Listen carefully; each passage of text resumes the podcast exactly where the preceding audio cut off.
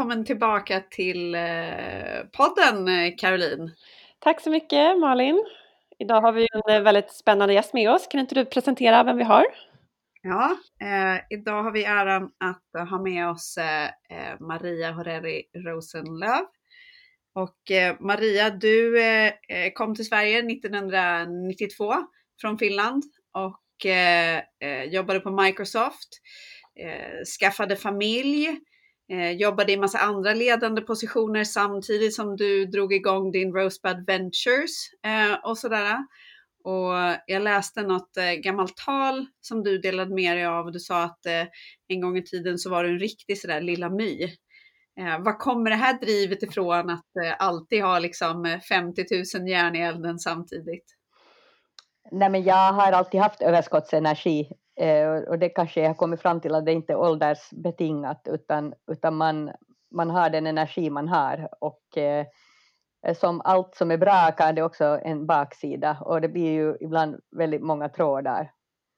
Och därför kanske jag gör vad jag gör. Jag hjälper ju faktiskt entreprenörer att prioritera för det är ganska vanligt att är man entreprenör är man rätt ofta nyfiken och har ganska mycket energi. Och då gäller det ju att veta vad man lägger sin tid på. Och du sa någon gång också när vi pratades vid inför den här podden, så sa du så här, ja men när jag kom till Sverige så då, eh, jag försökte ett tag och vara lite sådär svennebanan och, och passa in, men sen insåg jag att ja, det där det var sjukt jobbigt, det var inte riktigt min mm. grej, utan då valde jag att jag ska vara mig själv istället. Så vad innebär det att det skulle nej, vara? Men alltså, det, man kan ju ta det, allt har sina gradskillnader, men riktigt, jag tror att ingen i min omgivning säger att skulle säga att jag riktigt lyckades någonsin med att tona ner. Men, nej, men jag, var ju, jag bodde i USA innan jag flyttade, så att jag, jag bodde ju i Finland tills jag var um, kanske 24, 25. Uh, och sen, eh, fast jag jobbade i Europa, jag jobbade i Frankrike också i två, tre omgångar, uh, både som skidguide och på IT-bolag och sådär. Men sen flyttade jag till USA med min, eh, med min man och vi eh, drev igång en, eller han skulle producera en film och skulle få 11 miljoner dollar av Silvio Berlusconi, men så kom Kuwaitkriget och han satt i Milano och allt, all finansiering frös till is och sen blev det inte så bra efter det. Eh, men då drog jag igång min egen eh, programmeringsbyrå eh, på beachen i Kalifornien. Eh, jag bodde faktiskt literally on the beach med Eh, på, vid Pacific Ocean i Santa Monica mellan Venice Beach och, och Santa Monica Pier i en sån här eh, rent controlled apartment, det vill säga den var hyresreglerad den här lägenheten. Vi hade väldigt tur som fick den. Det var för att eh, min, min, min mans, eller faktiskt exmans idag, eh, syster hade eh, dejtat en amerikan och han skaffade, han lockade ha kontakter. Så allting, allting handlar om tillfälligheter, kontakter, så fick den här underbara lägenheten. Och där bodde jag och då startade min programmeringsfirma och eh, gick på danslektioner. Och då tränade jag tre, fyra timmar hiphop eh, om dagarna plus programmera eh, och sånt. Och det var nog verkligen en av de bästa, bästa, bästa stunder i mitt liv. Då var jag vad jag kallar life entrepreneur. Härligt! Ja, så jag kan säga så här att jag tycker att det finns väldigt många entreprenörer i eh, världen och jag har klassificerat som life entreprenör, intraprenör, det blev jag på Microsoft. Och sen all in entreprenör, då gör man det verkligen så här, men det här ska verkligen bli någonting, jag ska tjäna alla mina pengar på det här och jag ska liksom verkligen bygga något större eller, eller något betydelsefullt, det behöver inte ens vara större. Så det finns väldigt många former av entreprenörskap. Och jag tycker vi behöver uppskatta alla dem, för alla entreprenörer behövs för att kämpa och göra liksom den här världen till en bättre plats, tycker jag.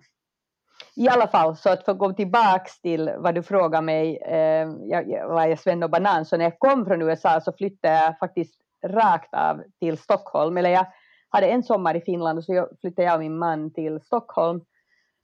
Eh, och då sökte jag olika jobb, då var det finanskris eh, och sen efter ett tag fick jag jobb på Microsoft och det var ju ett jättebra bolag att jobba för. Men jag kommer ihåg nog att de tyckte jag var ganska amerikansk och verkligen inte Sven och banan. Eller jag vet inte om det är ett uttryck. Så. Men, men sen så insåg jag efter några år när jag jobbade där att man kanske ska lite, vara lite smidig ibland.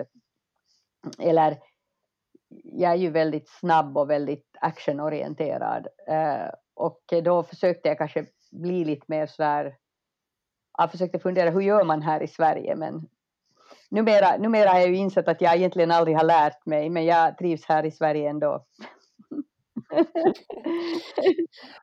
Du har ju eh, grundat bland annat Scaling School. Vad är det för någonting?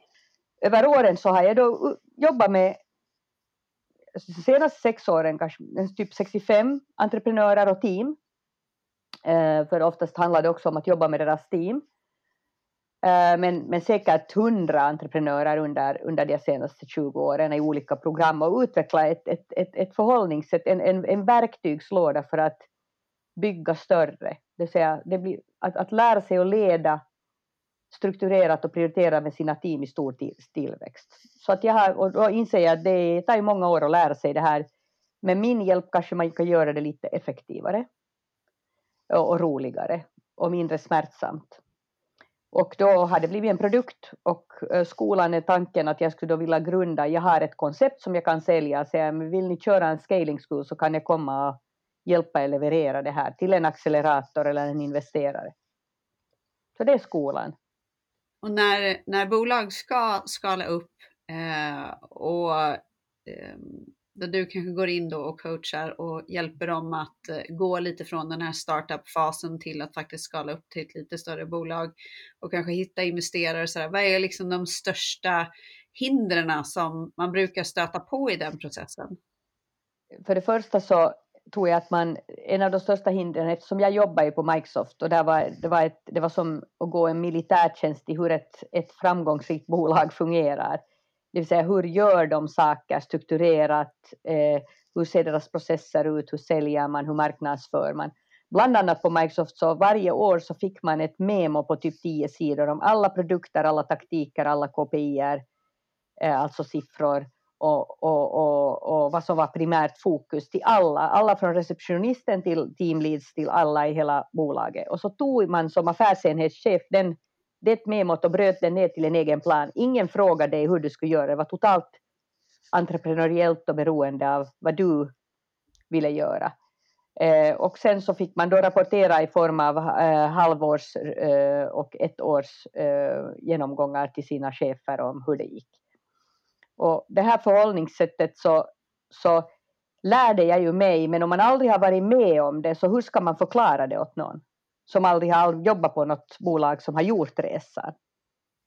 Och då kan min verktygslåda, jag kan stötta ett, en, en entreprenör att bli, eh, göra den resan mot att kunna leda ett skalbart team. Däremot så, så måste den entreprenören vilja göra det. Eh, så finns inte viljan och förståelsen så blir det en utmaning om hur ska jag förklara det om de aldrig har sett och varit med om det själv.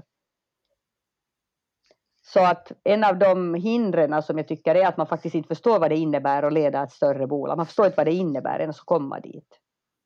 Alltså att du menar att entreprenörerna själva förstår inte riktigt för att de kanske aldrig har varit i, Absolut. aldrig varit i den världen utan eh, de har alltid varit entreprenörer. Ja, de kanske aldrig har, de har aldrig varit med om den resan. Därför är det så viktigt med nyckelrekryteringar i nästa skede. Mm. Alltså dina 10 till 12, efter att du har grundat bolag, då kanske 10 personer. Dina 10 till, till 20 eller 10 till 30 nästa nyckelpersoner är helt avgörande för om bolaget kan ta sig vidare till nästa skede. Helt avgörande. Det var faktiskt min nästa fråga. Vad är nyckeln till framgång för att gå från startup till scale-up? Nu nämnde du det här med nyckelrekryteringar. Eh, men vad är det mer som gör att vissa lyckas och andra inte? Eh, jag tror att eh, man måste vara lyhörd.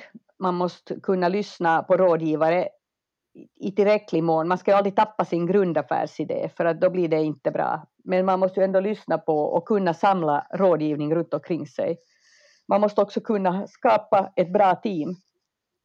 Få folk att jobba för sig, för det räcker inte mera att jobba 24-7.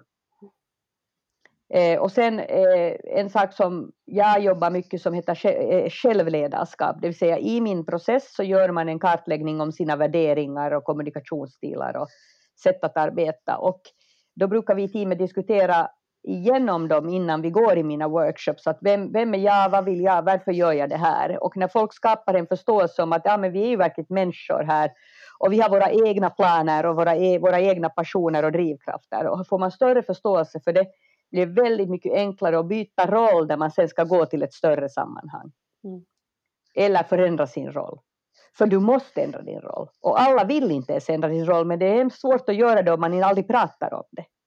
Mm. Så, att, så att eh, just det här att kunna prata om vad som är pudelns kärna, vad man behöver förändra för att göra större, att ha en öppen transparens och öppen dialog. Och sen naturligtvis konkreta planer som man kan mäta. Det tycker jag är nyckeln till framgång. Och har man inte det så då blir det lätt väldigt svårt och ofta bråk också. Mm. Ja, jag kan tänka mig att det är ganska svårt att, eh, att liksom, har man haft en viss eh, roll under många års tid när man har drivit sitt företag, att sen inse men vad är mina svagheter och vad behöver jag komplettera mig med och vilken roll behöver jag ta i nästa skede så att säga. Och vad skulle du då säga är liksom det som folk har svårast för eh, egentligen när det gäller den här förändringen? Men jag tror att man grundar aldrig ett bolag, många grundar inte bolag för att leda team. Nej de grundar sitt bolag för att de ska konkurrera världen eller förändra världen eller, eller, eller skapa något fantastiskt nytt. Men de, de tänkte inte att okej, okay, jag behöver ha en massa folk som ska hjälpa mig att göra det, eller hur? Mm. Och det är det som händer när du ska gå till scale-up. Det är enskilt den största förändringen. Plötsligt så kan ni, räcker det inte att du jobbar 24-7. Så om du då inte gillar idén om att öppna upp dig och släppa kontrollen, så då då, kommer, då, då blir det ju liksom svårt. Någonstans måste du släppa kontrollen och, och, och inse att någon annan kan någonting bättre än du själv och lita på dem. Och för mig hände det här faktiskt eh, för min egen del eh, när jag behövde släppa, börja, insåg att jag behövde släppa kontrollen. Eh, det var när jag lanserade Internet Explorer.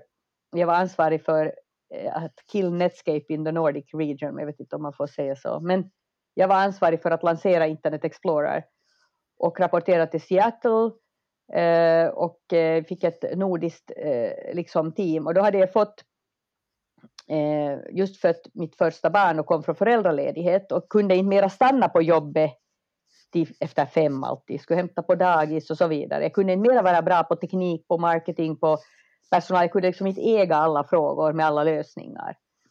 Och då det är faktiskt en ganska rolig historia. Då kallar jag mitt team då till ett, ett möte, ett strategimöte. Eh, jag brukar numera kalla det ibland tragedimöten därför för att när man går ut ur rummet så vet ingen vad den ska göra ändå. Man har bara snackat och det var precis vad som hände. Dansken sa vi ska göra det här, norrmannen det här, alltså jag hade ett fullständigt Bellman-team och svensken det här och finnarna det här och när vi, jag gick därifrån fem blev jag ju irriterad för vi hade ingen röd tråd.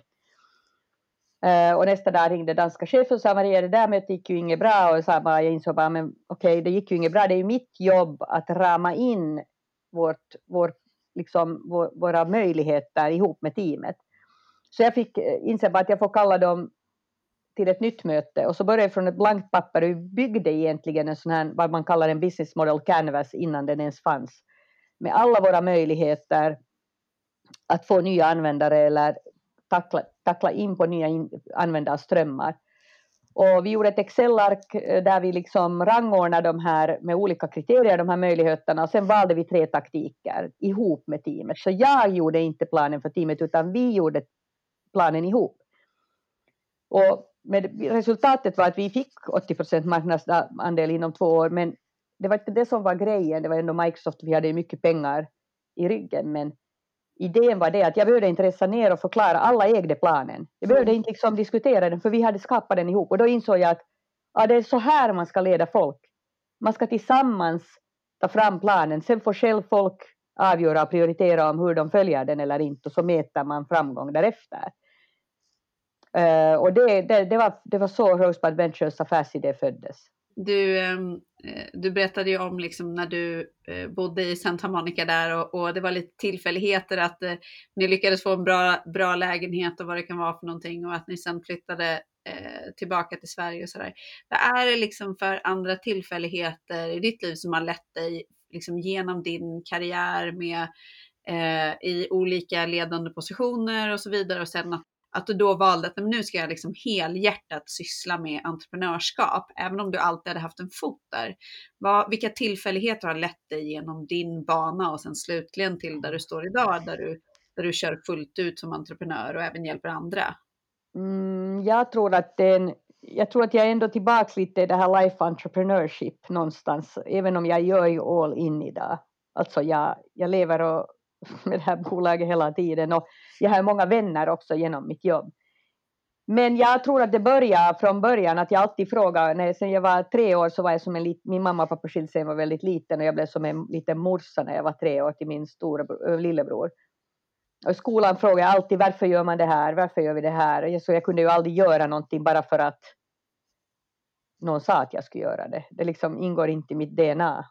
Ehm, så att jag har alltid haft en otroligt stark inre klocka om olika vägval och om inte jag får göra, om inte jag får en viss frihet och utforska med min nyfikenhet så då, då, då mår jag nästan fysiskt, jag får fysiskt dåligt. Så oavsett om jag har velat det eller inte så har jag liksom bara drivits mot, mot, mot att till slut antagligen bli entreprenör. Däremot så har jag gjort efter Microsoft eh, några uppdrag eh, eh, som, som vad jag brukar kalla COO, CMO, hjälpt entreprenörer att organisera upp techbolag och så här. Så att jag skulle säga att um, jag har liksom ändå alltid varit en ganska stor entreprenör och älskar min frihet. Uh, sen så fick jag ju dessutom tre barn och jag ville ju inte att uh, de skulle alltid komma hem och ha en au pair där eller något annat. Jag hade liksom jag har ju samtidigt byggt massor med hus och hållit på med massa annat på sidan om. Så att, så att därför så var det viktigt för mig att ha en bra relation till mina barn. Så relationer för mig går alltid före pengar. Eh, och det kanske har påverkat mig att jag sen, eftersom jag hade tre barn så ansåg jag att jag tyckte att, att jag vill ta hand om dem. Att jag, jag vill vara nära dem och jag vill inte liksom vara alltid på någon resa eller alltid på någon möte eller du vet, det är liksom viktigare att att ha den här eh, eh, varma relationen till sina nära och kära. Så att det så har det väl blivit. Jag har väl liksom eh, till slut blivit, det har blivit min bekvämaste sätt att leva eftersom jag haft så mycket, när man får barn så får man så många krav på sig själv från annat håll som man måste hantera och då har det väl blivit enklaste att vara entreprenör för då kan jag ju beställa, bestämma själv någonstans. Men nu, är, nu är jag i en sits där jag tycker det skulle vara väldigt kul ännu att driva en, någon lite större verksamhet. Därför för att nu, nu är mina barn ganska stora och, och så. Så att, eh, ja, så att eh, livet är fullt av möjligheter. Jag tänkte på det, mm, jag tror att det är många kvinnor som känner igen sig lite i din beskrivning här, att man när man skaffar familj så eh, blir man ju utmanad på ett helt annat sätt som, som, ja, men som när man gör karriär helt enkelt. Och du beskrev ju att en väg att gå, det är ju att liksom bli entreprenör och kunna styra sin egen tid. Fanns det fler saker du gjorde då som gjorde att du hade möjlighet att kunna balansera familjerelationer samtidigt som du hade en väldigt accelererande karriär? Eh, uh, no, eh, vi kan ju gå till de gamla klassiska orsakerna, men jag har en entreprenörsman och han, han, han tyckte ju inte att, eller han valde ju att jobba mycket Eh, och nu, jag kanske person, vi har skilt oss, vi var faktiskt gifta 34 år. Jag är en otroligt långsiktig person. Jag håller på liksom med saker, eh, också mitt företag och mina relationer. Jag har liksom få, jag har inga så här dumpade vänner eller något sånt, utan jag, jag är långsiktig. Folk har sina ups and downs så eh, alla relationer kan ha något dåligt, men sen så kanske man kommer vidare. Men, men, men jag var ju väldigt sådär, jag, jag ville alla som är gifta vet och som får barn och båda vill göra jobb och något annat vet att det blir säkert lite slitningar då och då. Eh, men för mig var det ett sånt klockrent val i något skede när jag just var på toppen av min karriär och var chef på internetavdelningen på Microsoft. Det var faktiskt min titel, Head of Internet in the Nordics. Gud vad komiskt. Ja, så så då beslöt jag sen när jag fick mitt andra barn och inte liksom klara av att få ihop det hela att det är viktigare för mig nu att ta hand om de här barnen och att jag behöver balansera det bättre. För att jag är en sån här eh, 100 procent eller 150 procent. Att antingen gör jag ett jobb eller så gör jag inte. Jag vill inte göra det halvdant, då mår jag bara dåligt. Hur orkar man liksom, eh, hur orkar man hålla det här drivet som entreprenör? Och ja, men kanske gärna när man har familj samtidigt. Eh, man startar bolag, man har familj, man kanske kommer till en punkt där man vill skala upp och så vidare. Liksom, hur orkar man? Hur gör man för att hålla det där drivet uppe egentligen? Mm, men jag, jag, det, det där drivet försvann ju aldrig. Antingen har du det eller så har du inte. Ja. Alltså, jag tror ju på det här att antingen är du född med en sån här inre motor där du liksom bara varje morgon, även om du ska bli nedslagen kvällen innan, så stiger du upp nästa bara I gotta solve those problems now. Det finns liksom inga alternativ. Vad, vad gör att en entreprenör då klarar sig att bygga ett scale-up? Men en, en sak är ju att man får stöd från omgivningen. Att du får stöd att ja, men, eh, nu tar någon och hämtar barnen från dagis eller nu tar någon och går till läkaren för någon har blivit sjuk eller det händer ju hela tiden grejer om du har familj. Så att det stödet fanns nog inte. Mina föräldrar är ju i Finland och jag bodde i Stockholm och vi var ju här och det går inte att lösa allt med barnflickor och sånt som jag just sa, jag ville vara nära mina barn. Så att man måste göra val här i livet.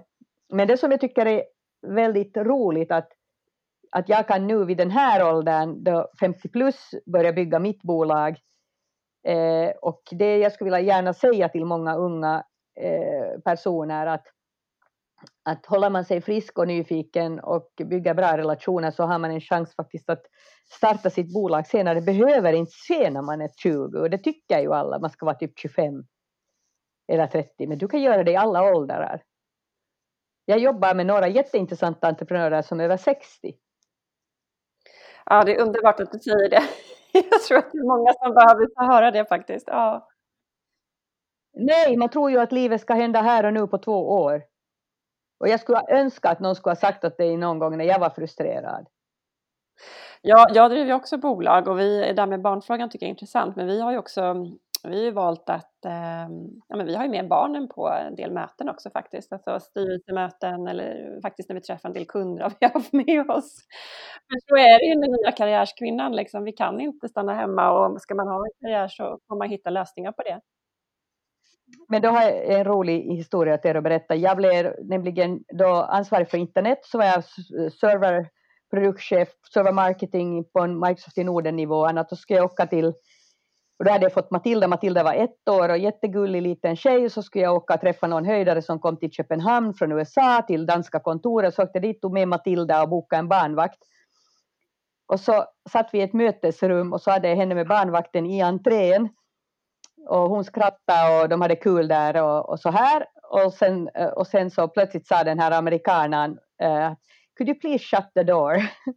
Han ville inte höra barn barn, barn skrattade, det störde honom. Så vi har nog kommit en lång väg. Alltså. Så jag, jag tror alltid att jag har varit en jag tror faktiskt jag har varit alltid 20 år före min tid med det här att släppa unga på möten. Och jag jobbade på ett startup innan det kallades mm. startup. Alltså, för jag, jag, jag studerar ju på KTH, te, Tekniska högskolan heter det i Finland, inte KTH, men Tekniska högskolan i Finland i, i, i Helsingfors och bodde i mitten av stan och det här låter ju naturligtvis lite bortskämt men så skulle jag söka sommarjobb och då fanns ju inte Google så att och jag ville inte åka ut till förorten där alla IBM och alla sådana stora eh, databolag satt ju i förorten. Inga, inga, inga restauranger, inga kaféer, ingenting. Kom ihåg, märk väl att det här var på 80-talet. Eh, och då gick jag och tittade på gula sidan, skulle det inte finnas något mjukvarubolag i stan. Det fanns ju inte fanns ju ingen Google, man kunde inte googla, man fick gå i telefonkatalogen.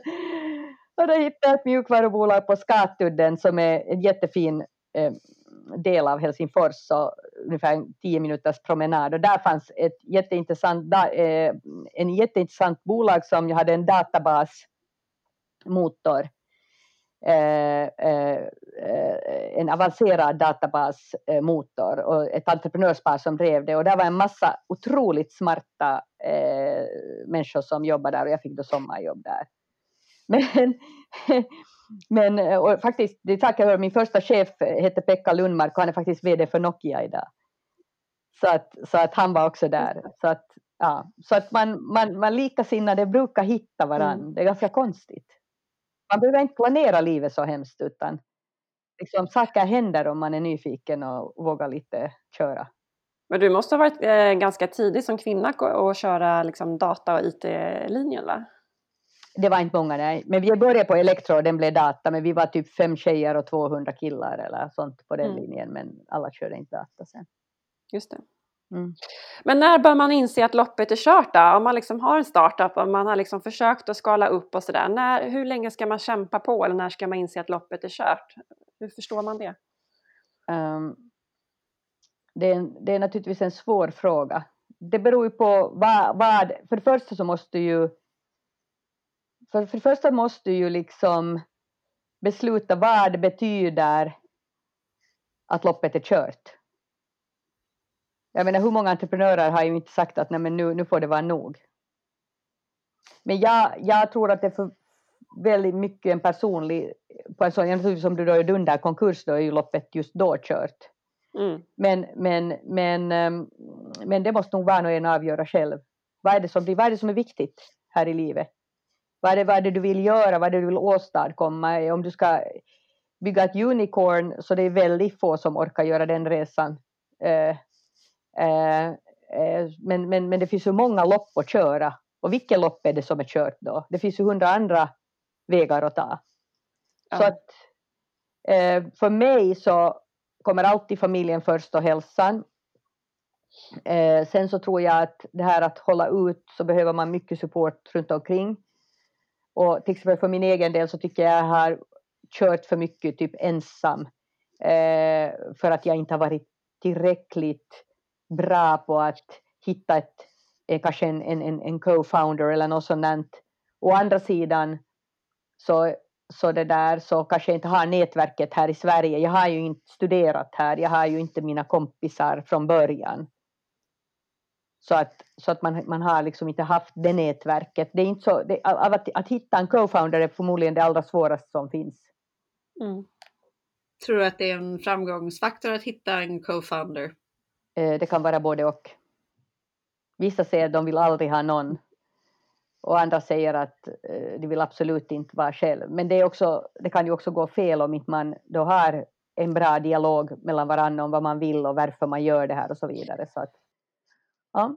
Men nu när vi är inne och pratar lite founders där, det, jag vet inte om du känner till, men det kom under hösten här, hösten 2020, en rapport från Nordic Startup Funding heter den. Och eh, där har man tittat på hur kapitalet liksom är fördelat eh, utifrån grundarna för eh, företagen. Och då har man sett då att eh, företag som är grundade av enbart kvinnor, de får ungefär 1,3 procent av kapitalet. Mixade team får 5,8 procent och företag som är helt grundade av enbart män får 92,9 procent av kapitalet. Mm, mm. Vad, vad beror det på tror du att kvinnor får en så pass liten andel av investeringen? Det är ju intressant att veta vad är det de, hur många kvinnliga investerare som ens är med och pitchar för att få kapital. Mm. Så jag vet inte hur de bygger den där rapporten. Men jag skulle säga så här om man jämför manligt och kvinnligt entreprenörskap och nu finns det väldigt många olika entreprenörer. Jag tror att det här kommer att förändras men om jag upplever själv så jag tar ju risk i viss mån. Men jag gör ju inte den här oj, eh, ge mig hundra miljoner och så ser vi om det lyckas jag tror att män är bättre på att eh, liksom, de, de, är bättre eller bättre, de gör ett större risktagande än många kvinnor.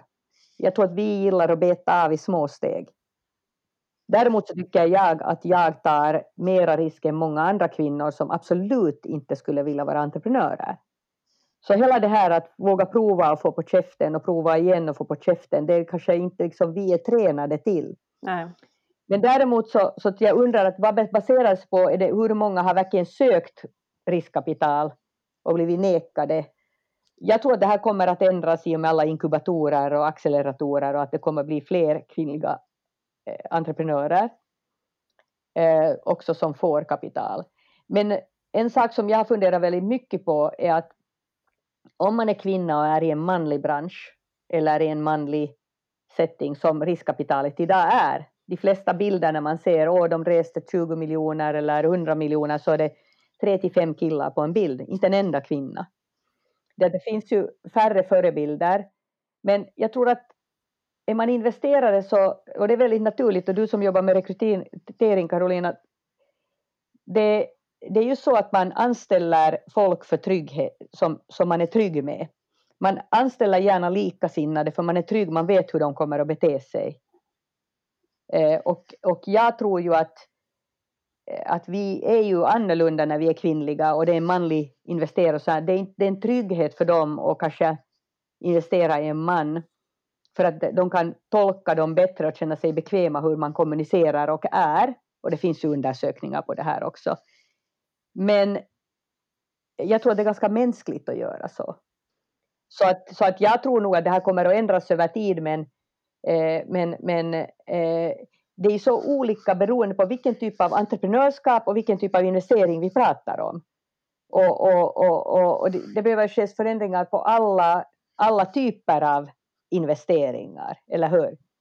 Men just de här mest aggressiva techinvesteringarna, vi börjar tala Bill Gates, Elon Musk, eh, Jeff Bezos, alla är ju män, så det är ju de som är förebilder. Men, men, men så småningom när man jobbar upp sig så kommer det ju komma kvinnliga också, det är jag övertygad om. Men, men det är ju, det är ju liksom, jag har, så, att, så det finns inga enkla lösningar, man måste bara jobba på alla fronter tror jag. Och se till att det finns kvinnor som investerar. Tror du eh, startupkulturen ser olika ut i Sverige och internationellt? Nu har jag ju coachat entreprenörer i hela Europa i och med att jag har gjort sån EU-coaching också. Men jag skulle kunna säga så här att jag, jag jobbar ju, jag älskar att jobba i USA, min kultur då när jag bodde där, för det är väldigt så här icke-jänte, man får vara annorlunda och sticka ut och, och liksom, ah, jag älskar det klimatet. Jag tycker att Sverige är helt otroligt imponerande eh, i form av alla möjliga, hur man marknadsför sina bolag och hur man skapar fan, fantastiska liksom, startups och sådär. Eh, eh, däremot så tycker jag att jag, jag, jag tror att Sverige också, jag tror faktiskt jag har en teori att, att det här dagisbestyr, att alla går på dagis, till exempel alla unga sätts på dagis, så face it, när min, jag flyttade hit och sa till min mamma, mina barn går på dagis, vad ska du inte ha en någon som kommer hem och vaktar barnen? Tyckte det var så hemskt att man skulle sätta in sitt lilla barn i en enorm grupp på 20, 20 ungar. Det är ju där entreprenörskapet någonstans börjar, det är sådär swim or sink i Sverige liksom.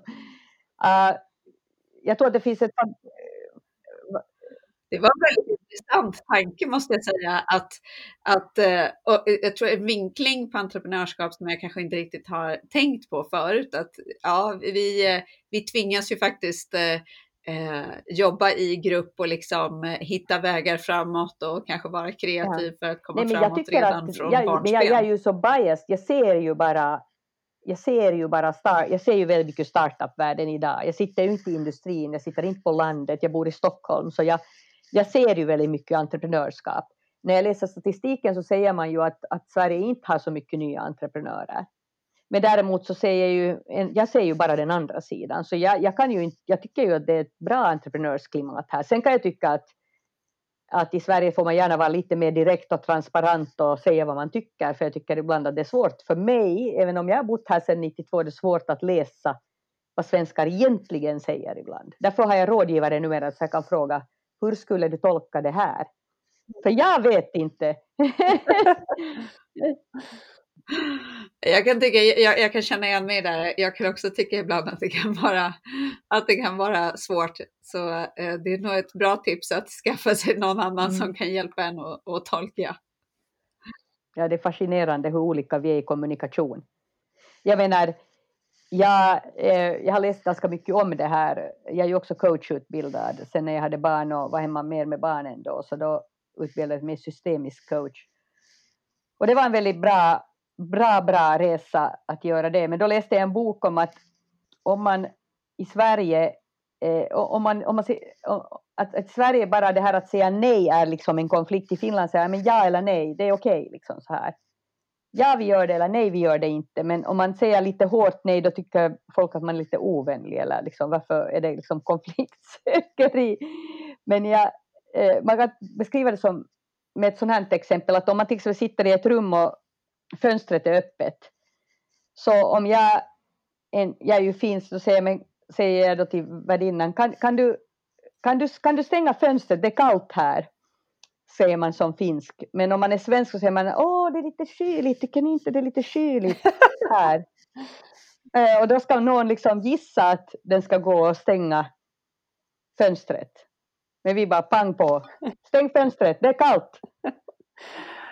Ja, ja men jag, jag kommer tillbaka lite till det här liksom att, att eh, eh, att gå, gå sin egen väg. För att det, det känns som att det, det går lite som en röd tråd liksom i, i allting du gör. Att liksom följa ditt eget hjärta och eh, menar, att, att eh, alltid följa det där drivet du sa i, i, i början är att eh, du blir nästan, du blir nästan fysiskt dåligt om du inte får utlopp för det här.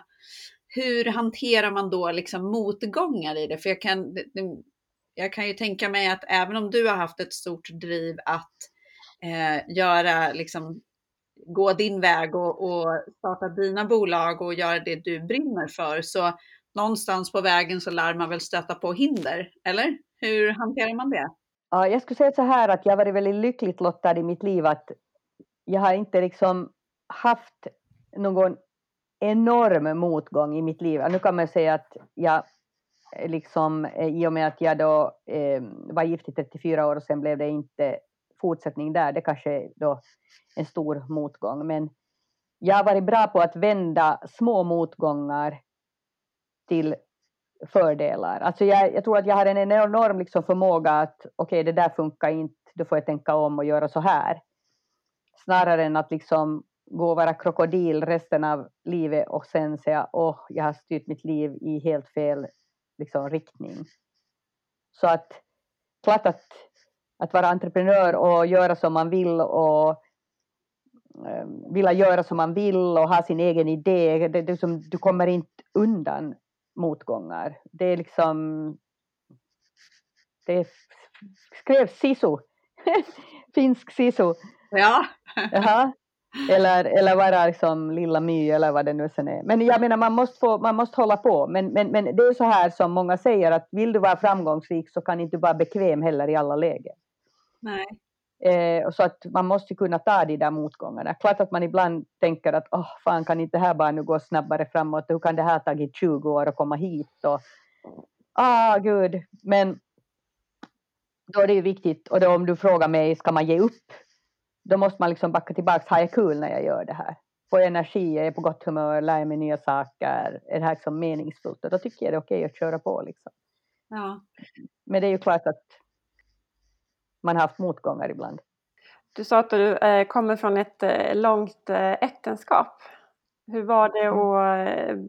att, att inte kanske vara kvar i den typen av relation? Efter, för 34 år är lång tid. Jag har gjort om hela mitt liv på fem år.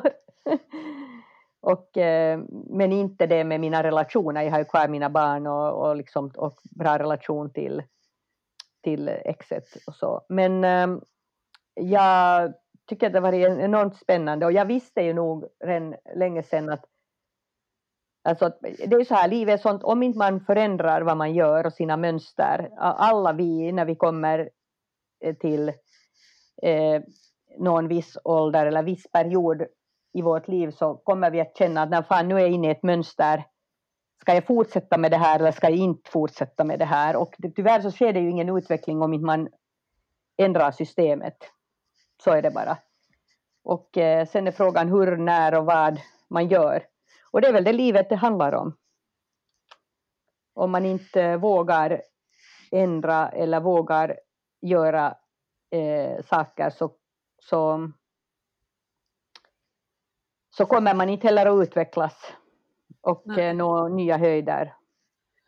När du hamnade den då, liksom, delen av livet att du var att du var singel för första gången på väldigt, väldigt länge och eh, ganska stor livsomställning. Liksom, vad, hur påverkade det dig i din roll som entreprenör? Jag vet inte, jag bara körde på liksom. Jag tycker inte att jag, tycker inte att jag hade den tid jag behövde för att utveckla mitt företag och därför har det kanske tagit den tid det har tagit. det har varit hela tiden, det har varit barn och sen har det varit eh, skilsmässa och sen har det varit allt möjligt sånt ändra om sitt liv. Så att det är kanske först nu jag har börjat ha tid då att verkligen utveckla det här vidare. Och, Men det som är otroligt roligt att jag tror att jag aldrig har varit så bra på vad jag gör som just nu, även om jag inser att just då när man tror det så då får man nästa dag på käften så fan det där gick inte riktigt som jag trodde att det skulle gå. Men, men, men, men jag kan numera när jag då, jag är ju liksom primärt mm, coach eller mentor eller jag, menar, jag tycker inte riktigt om ordet coach för det liksom innebär att jag är där för att berätta åt någon hur den ska göra utan snarare se det som ett ganska likvärdigt förhållande där man lär sig och kan katalysera fram framgångar i ett team eller hos en person. Men eh, det är i alla fall eh, numera så kan jag gå in i en situation, förr ville jag liksom veta, okej okay, nu planerar jag den här teamworkshopen eller den här coachingsituationen och, tro, och, och skjuta mot den här resultatet. Liksom. Det kommer, jag vill att det blir det här resultatet. Idag går jag in i det mer, vi får se vad som händer. Är det liksom en läxa du har tagit med dig från att själv ha gjort eh, en förändring i ditt liv, eller? Det är nog många läxor under hela mitt liv. Men att kunna luta sig tillbaka och, och, och liksom bara tänka att okej, okay, jag kan ändå inte kontrollera vad som händer. Vi, vi kunde ändå inte kontrollera corona, vi kan inte kontrollera, det finns få saker vi kan överhuvudtaget kontrollera. Så istället för att försöka kontrollera allt som händer så går man in i situationer och sen utövar en metodik och hanterar det som komma skall med lugn. Och det, det tror jag att jag har liksom verkligen eh, blivit väldigt, väldigt mycket bättre på med åren. Ja. Du sa att det, det är viktigt att man eh, eh som entreprenör så en, liksom, en framgångsfaktor förutom att eh, själva liksom jobbet man gör i bolaget är att man har ett nätverk runt omkring sig som liksom kan backa upp en och sådär. Um, och du sa att dina föräldrar bodde i Finland, men jag tänker, eh, även om du nu är liksom väldigt vis och, och, och, erfaren och så, men har du någon i ditt liv som du gärna vänder dig till för liksom att få råd och tips och idéer som, som du har liksom, som ditt stöttande nätverk?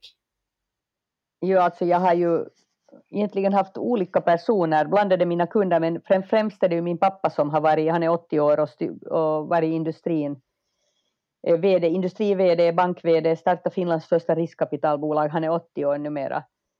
Eh, och eh, han är otroligt smart och klok, men han ehm, är lite glömsk ibland.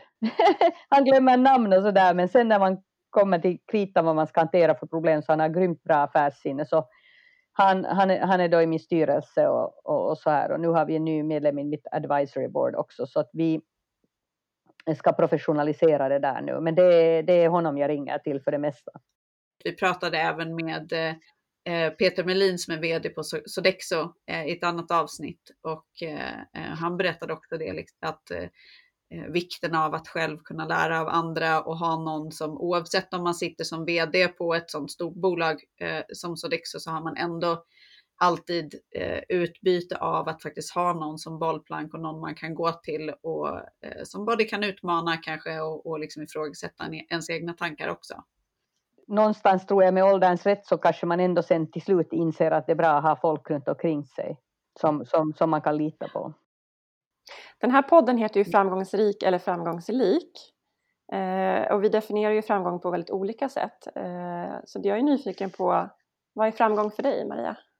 Nej, men det har nog alltid varit eh, framgång i att naturligtvis ett nummer ett att man är liksom eh, man mår bra i vardag, i det dagliga. Framgång att man har kul och mår bra i det dagliga, det är helt sjukt viktigt för mig. Mm. Alltså om jag inte har roligt och tycker jag får energi de dagarna jag jobbar, då kan jag liksom likväl glömma det. Eh, och mm. nummer två är liksom eh, relationer till närmaste och sen resten kommer där på Ja, det var, det var fint sagt. Jag tror att eh, eh, om, eh, om flera brydde sig om lite att, de, att man ska själv må bra så tror jag att eh, världen skulle bli en lite bättre plats att leva på. Men framförallt måste man ju ha lite roligt. Jag säger ofta i mina grupper att ni måste ju ha lite roligt. Ni, ni kan ju inte fan ha tråkigt hela tiden. Ni är ju så stressade, ni har ju inte kul. Ja, men precis. Ja, men det kanske får summera upp här liksom. Eh, ha roligt, må bra, eh, gå din egen väg och eh, stressa inte upp er och var inte så seriösa. Absolut. ja, eh, men du Maria, tusen tack för att du eh, eh, tog dig tid att vara med i våran podd. Tack att jag fick vara med. Vi är väldigt glada. Tusen tack. Ja.